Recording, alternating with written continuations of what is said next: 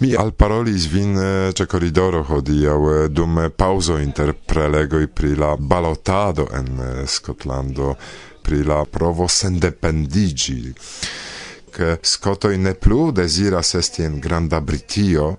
Kial? Ne estas simpla respondo al tiu demando, sed mi devas aserti de la comenzo che Skotoj generale volas esti en Europo.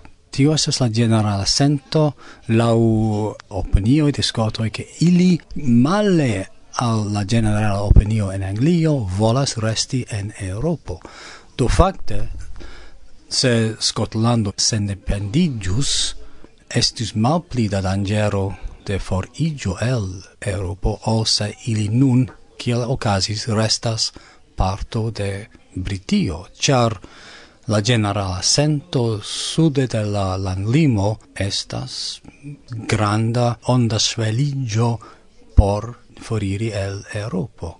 Kai tio evidentigas en la cresco de la tiel nomata UKIP, do la sendependigia partio por la unieginta regnolando, kai kiu estas iom rasisma, iom dextrema, kai kiu, kiel diri, vivas sur la troigitai sentoi de xenofobio ene de homoi en la lando.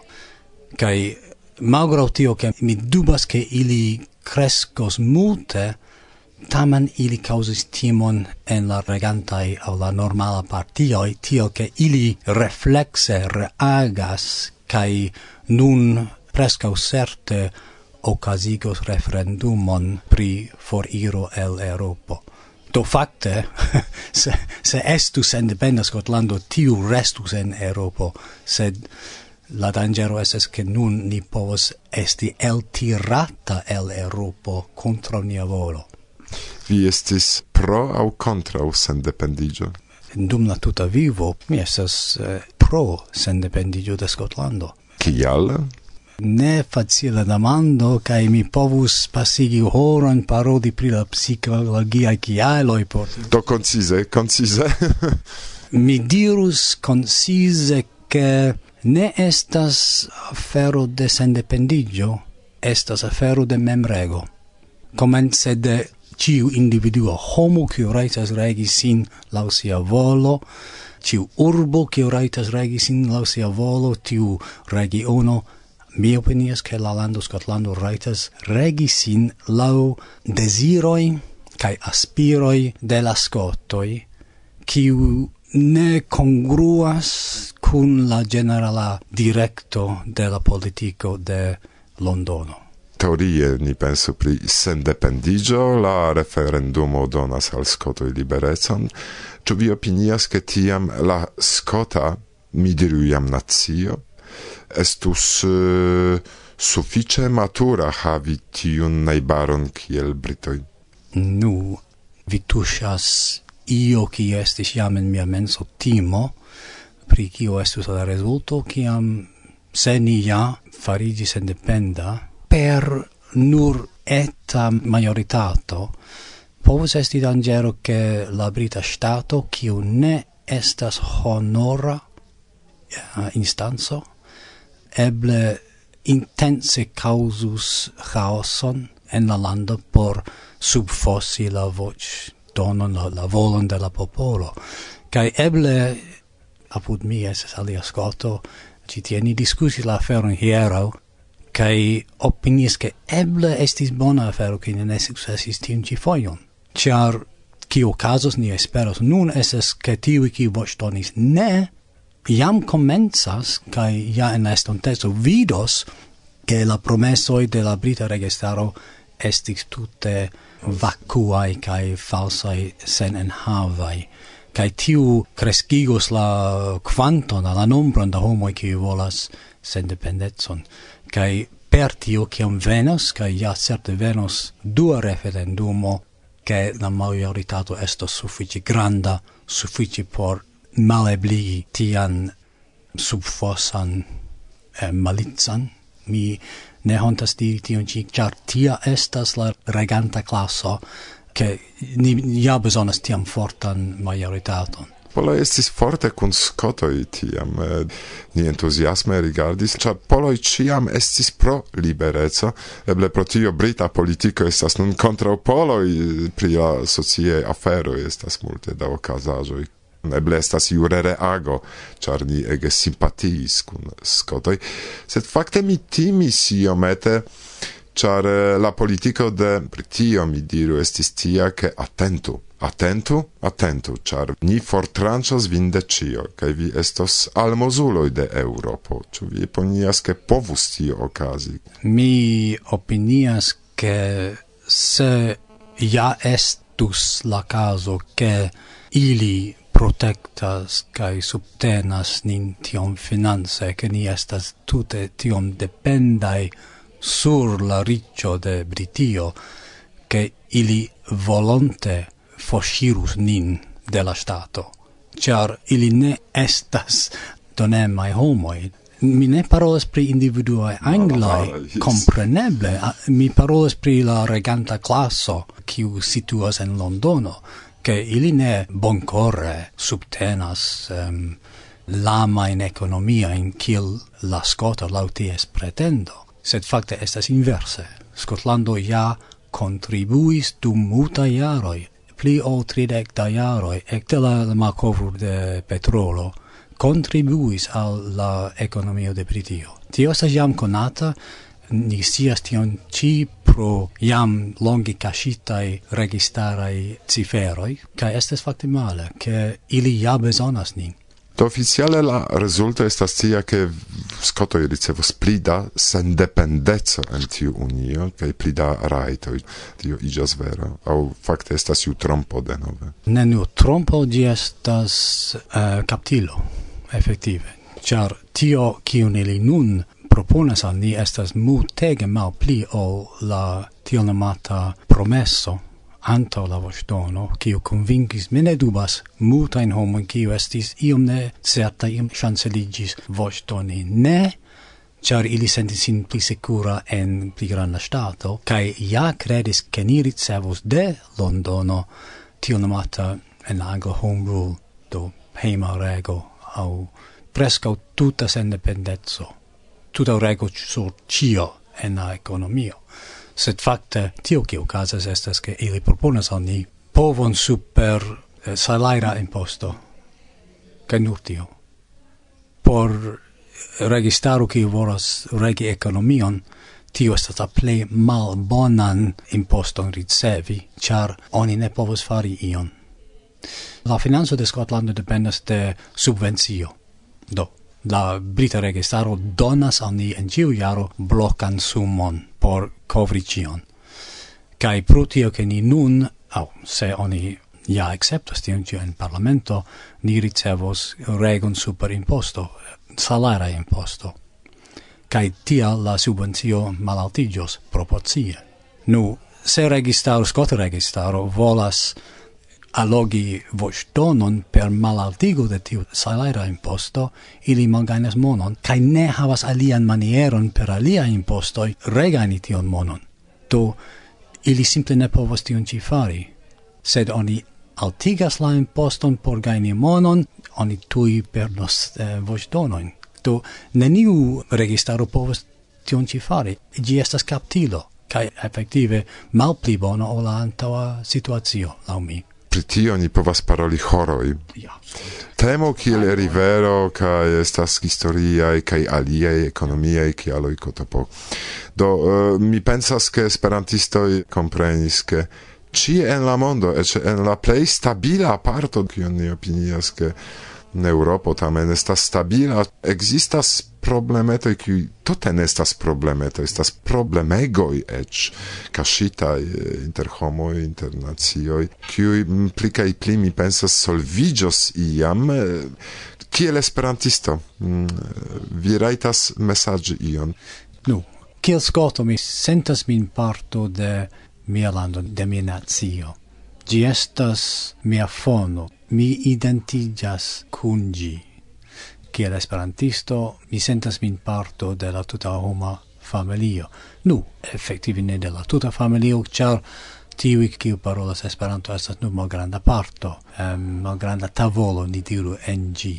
Sed ni ciui estas homoi, kai per Esperanto ni povos reconi unu la alian kiel egal raitai homoi, kai oni ne peru tion ci. Ci estas io absolute valoro che mi malcovris per de Esperanto tutte hazarde kai mi sentas che tiu ci estas la grava afero.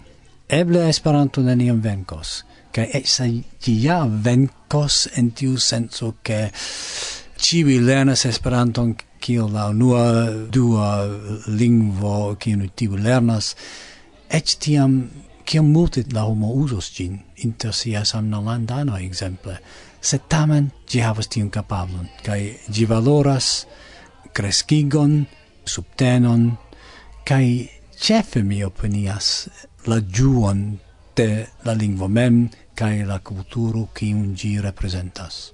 Vi rajtas saluti geamikojn? Nu, mi salutas al eh, Francesco in Hispanio, al Maicon en Brasilo, kai al civi esperantistoi qui quies nomo ne venas en la cavo giusto nun kai principe al la angla esperantistoi kiu eble ne tutti comprenis eh, la sintenon de la scotoi rilate alla unigente regno vi comprenas che estas nenio contro vi persone sed contra la nuna politica situazio en, en nia lando Coran dankon pro interview. Dankon ankaŭ vi. Multon La venonta canto mi, mi scribis gin tien porque mi ne forgesu Esta scribita de la autoro Dojo Kunar. Ci nomigas Yes. Ci ne nur estas dojoisto. Ci nomigas uh, eh, Liberec. Yes. Vi povas kun canti. Liberec. Yes. Hey. La regea versio compreneble ciam de mi. yes. Hey. Oh. Yes. la canton? Kiu konas la canton? Yes, bonege. Do vi kun cantas? Ni uh, vidos, yes. Ah, hey.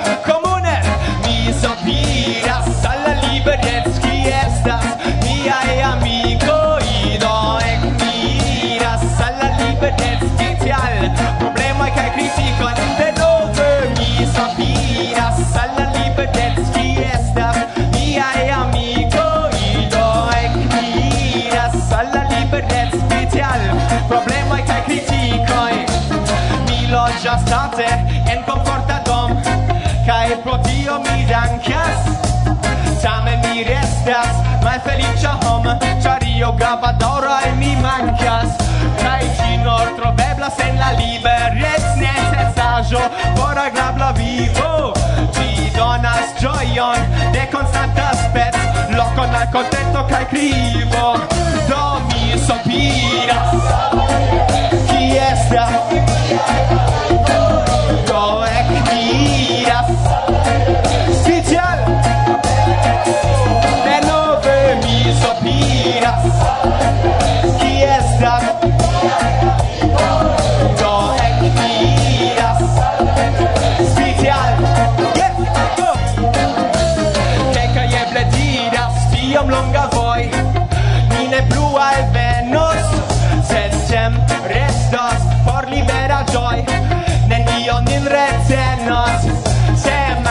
mi porto, mi sottenas fin Tie mi faras stai batallos. Liberezzo je la fino atenas min Comune ni staros, oni fallos. Do mi sopiras Ti estas Do ec mi iras Special problema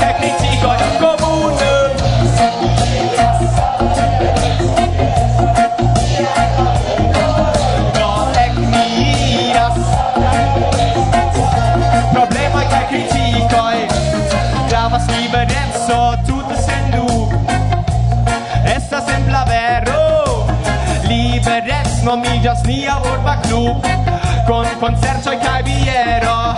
Mi Libereco brilas en granda hel Tie nenio frostas Liberezzo estas nia cel Kie mi ciui cune tostas Do mi sobi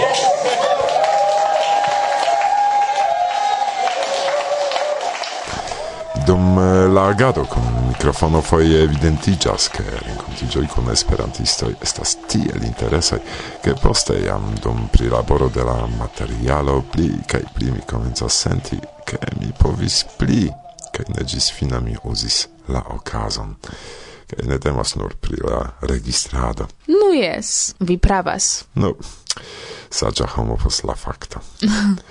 Tiu rencontigioi ocasis en Bialistoco, sed ancau laste, dum la sesa ies, kiu dauris semainon, do finfine mi povis eble ne tiel sad dormi, kiel vere giui esperantujon, ion cetere mi faris la unuan foion dum tiu ci, arrangio kiel normala partoprenanto jam ne plu en la organizate amo.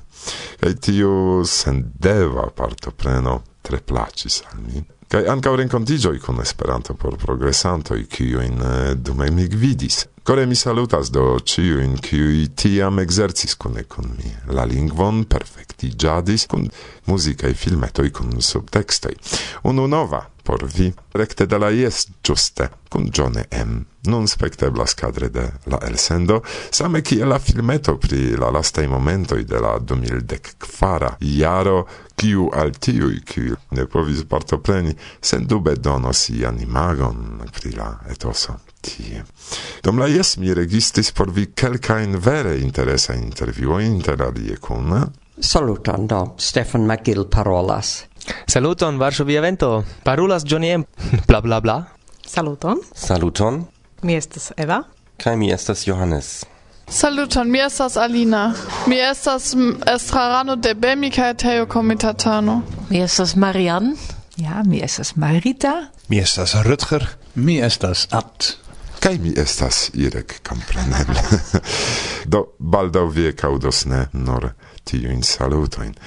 Sed nun mi deziras turni vian atenton pri alia afero. De certa tempo ce la Facebooka grupo de Varsovia vento aperas sonai contribuoi de Luis, ciuin certe vi rimarkis, sed mi dubas ciu ciu el intervi clopodis vere ec interesigi pritio, Ciar ofte oni vidas ion, sed mancas tempo atento. Ciu vi auscultis, kion li presentas? Mm, no fakte ne ciom mi havis tempon aŭskulti, sed tre placas al mi liai registrajoi ankaŭ mi. Tial core mi recomendas turni atenton pri lia laboro, char eh, vere valoras. Ankaŭ mi recomendas. Do, por fakte ne tro bla bla bla umi, mi invitas vin ausculti almeno unu el liei contribui, giuste kadre de nia programo. Se vi desiras ausculti pli multe, ligilo ancau al aliei racontoi rakontoj de Luis trovigas en prescribo de la elsendo. Luis, cora in saluto in por vi kai dankon. Bla, bla, bla. Zozo la dexepa regulo de la fundamento. El fabelo y de la verda pigo de Louis Boquer. Foie fraulino Regultri, la tria regulo de la fundamento diris al sia colegino fraulino Regulse. Venu, ni iru iom promeni. Fraulino Regulser hesitis. Ni ne raitas forlasi la fundamenton. Viscias che signoro doctoro Lavoio, la presidanto de la Academio malpermesas tion. Bah, signoro Lavoio estas malsana, cae cushas en fora sanatorio. Ni profitu lian maleston, cae giuu la liberetson. Fraulino Regultri malfermis la pordon de la fundamento cae eliris. Sin segvis exteren ne nur fraulino regulsep, sed civi ceterai reguloi, ec de fraulino regulunu gis fraulino reguldexes. Ciam mi vidis ilin ce la voi crucigio de la granda fago, comence mi ne reconis ilin, Cutime la dexes fraulinoi promenis ciu dimance en bona ordo, po du en vizzo, Cae signoro doctoro Lavoio fiere pasis poste, severe observante ilian disciplinon. Je la priparolata tago de sia aventura forcuro, ili male aspectis, cae condutis kiel svarmo das turnoi. La subita liberezzo ebriigis ilin. Ili pepis ridis, petolis, interpusigis, ne conjectante la dangeroin, minazzanta in tia infrenesulinetoin. Fakte, post quelcae mailoi, ili rencontis fremdan regulon, kiu afable salutis ilin. Bonan matenon, koleginoi, kien vi iras? Ili haltis cae respondis. Ni nur iom excursas en la circauajo de la fundamento. Ho, mi bone conas la fundamenton, cae volonte apartenus al gi. Fraulino Regulses la plei granda rimarkiges. Bedaurinde ni raitas esti nur dexes, ne pli. Kiu ordonis tion? Nia patro, doctoro Zamenhof. Bah, doctoro Zamenhof mortis antau multa iaroi. Se li ancora vivus, li certe adoptus min kiel dexepan filinon. Kion dovi capablas fari? La fremda regulo sveligis la bruston, tusetis, cae asertis aplombe. Per mi Esperanto estus ancora pli facila. Oni nomas min Zozo. Kial? tial che oni povas en fraso anstatauigi per zozo ciun neconatan au forgesitan vorton. La dexes fundamentanino irigardis in consternite cae jore criis. Ni ne comprenas? Zozo ridetis, carai colleginoi, mi funccias kiel giocero en ludo. Ni supposu exemple che iu forgesis au ancora un elernis la vorton ombrelo. Li simple diras, ciam pluvas mi prenas mian zozon. Se li ne conas la verbon fumi, li diras, mi zosas cigaredon. Same ciu clare comprenus jenain frasoin. Mano havas quin zozoin. Por saluti vin, mi demetas mian zozon. Ciu vi flue zozas Esperanton? Si bone zozas pianon. Ciu vi fartas zoze aŭ malzoze, cotopo? Confessu che tiu solvo faciligas la conversazion, finita la balbutado de multa isamideanoi. Ciu mancas vorto, hop, zozo en saltas cae helpas. Fraulino Reguldegvar prudente atentigis, che si mem luda similan rolon per la preposizio je, kiu povas anstatawi ciuin preposizioin. Zozo cabiesis cae enfasis, Yes, sed la rolo de Zozo estas ancora pli grava, char gi capablas anstataui ciuin radicoin. Do, se vi afable acceptus min en vian familion, mi farigius fraulino regul decsep, cae la decsepa regulo de la fundamento textus. Ciam parolanto de la lingvo Esperanto nestias vorton, li simple usu anstataue la radicon Zoz, cium memstaran signifon ne havas. Tiui applaudis crom fraulino reguldexes, Dexes, kiu energie protestis. Ne, ne, la tuta mondo scias che Esperanto havas dexes reguloin, Santai cae definitivai estas iwi nombroi, tri grazioi, gvar sezonoi, septagoi en semaino, nau musoi, dec du monatoi en jaro, mil cae unu noctoi cotopo, ne, ne, mi estu por ciam la lasta regulo de la fundamento. Post mallonga silento Zozo proponis. Se mi vere ne povas farigi fraulino reguldexep, eble malgrava regulo de la fundamento debus cedi al mi sian locon. Cies rigardoi turnis in al fraulino regulnau. Cun pala visagio cae tremantai cruroi, si staris malantau siai colleginoi cae subite egploris. Zozo severe demandis sin, por cio vi servas en la fundamento, fraulino regulnau? Fraulino Regulnau balbutis. Do, do, doctor Osamirov confidis al mi la gardadon de jena leggio. Ciu vorto estas legata, kiel gi estas scribita. Zozoricanis. Mi ja respectas doctoron Zamenhof, sed li estis versaine lazza, ciam li inventis tiun superfluan regulon. Kial li ne prescribi same por paroli Esperanton oni malfermu la buŝon, aŭ por lavi siajn piedojn, bona esperantisto demetu siajn chuoin. Tiom da sprito tiel ridigis la ceterajn regulojn, ke ili senkompate forlasis fraŭlinon regulnaŭ en angulo de arbaro, kaj transdonis ŝian lokon al la fremda senhonta regulo.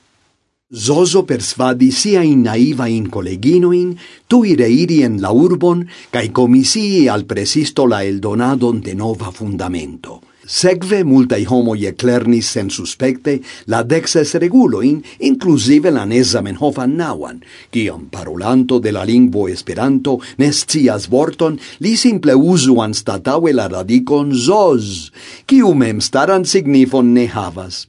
Cio balda occasis? babelo inter la esperantisto mem. La lingvo internazia, la plei clara lingvo en la mondo, farigis nenomebla jargonacio, terura galimatio, ancora upline comprenebla ol volapuco.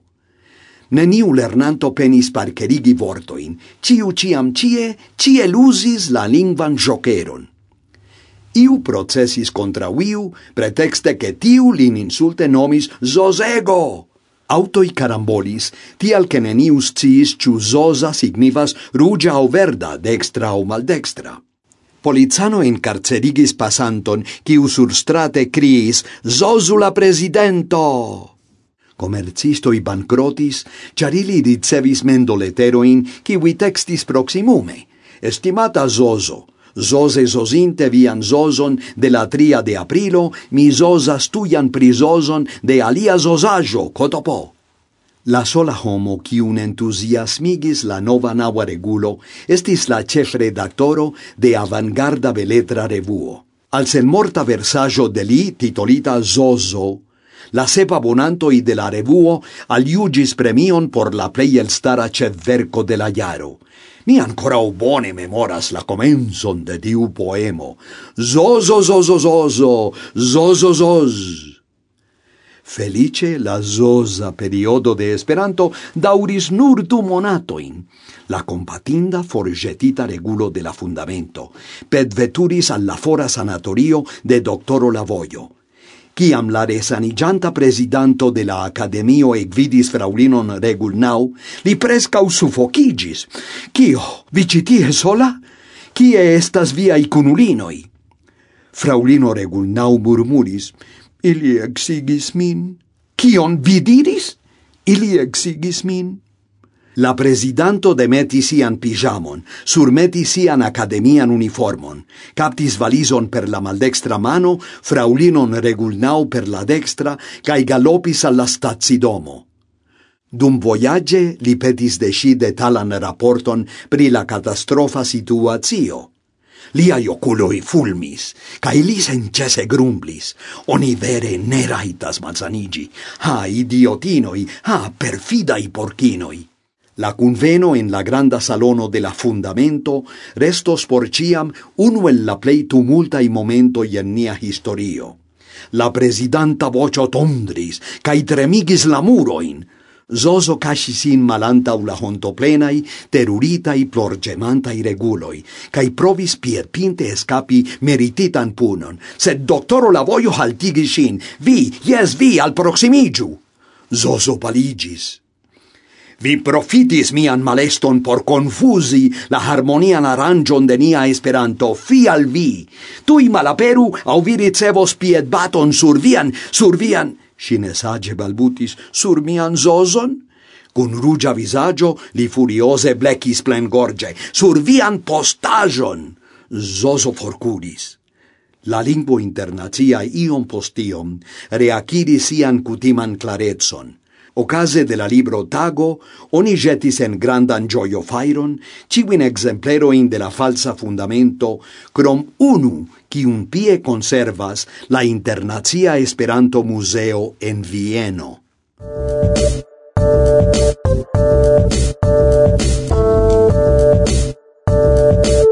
Voce legis por vi Luis Jorge Santos Morales.